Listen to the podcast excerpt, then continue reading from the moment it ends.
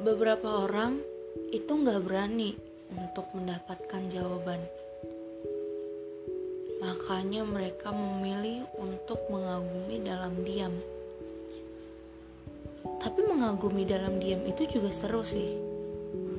Dari situ, setiap kita bertemu, pasti rasanya berdebar-debar. Hati ini, tapi cuman diri kita yang tahu. Terus kalau mau berkali-kali curi pandang, itu bisa jadi nggak ada yang curiga. Karena ya memang mereka nggak tahu. Tapi yang gak enaknya juga banyak. Salah satunya adalah harus nahan cemburu. Kalau lihat dia lebih akrab sama yang lainnya.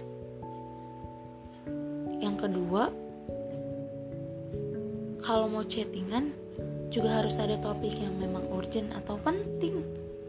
Karena kalau nggak penting tuh bisa jadi dia curiga dan ngerasa bahwa kita orang yang aneh. Tapi buat orang-orang yang mungkin sudah terbiasa, itu bisa menikmatinya. Menikmati masa-masa mengagumi dalam diam itu. Seru sih, karena aku lagi ngalamin itu. Aku lagi enjoy sama prosesnya.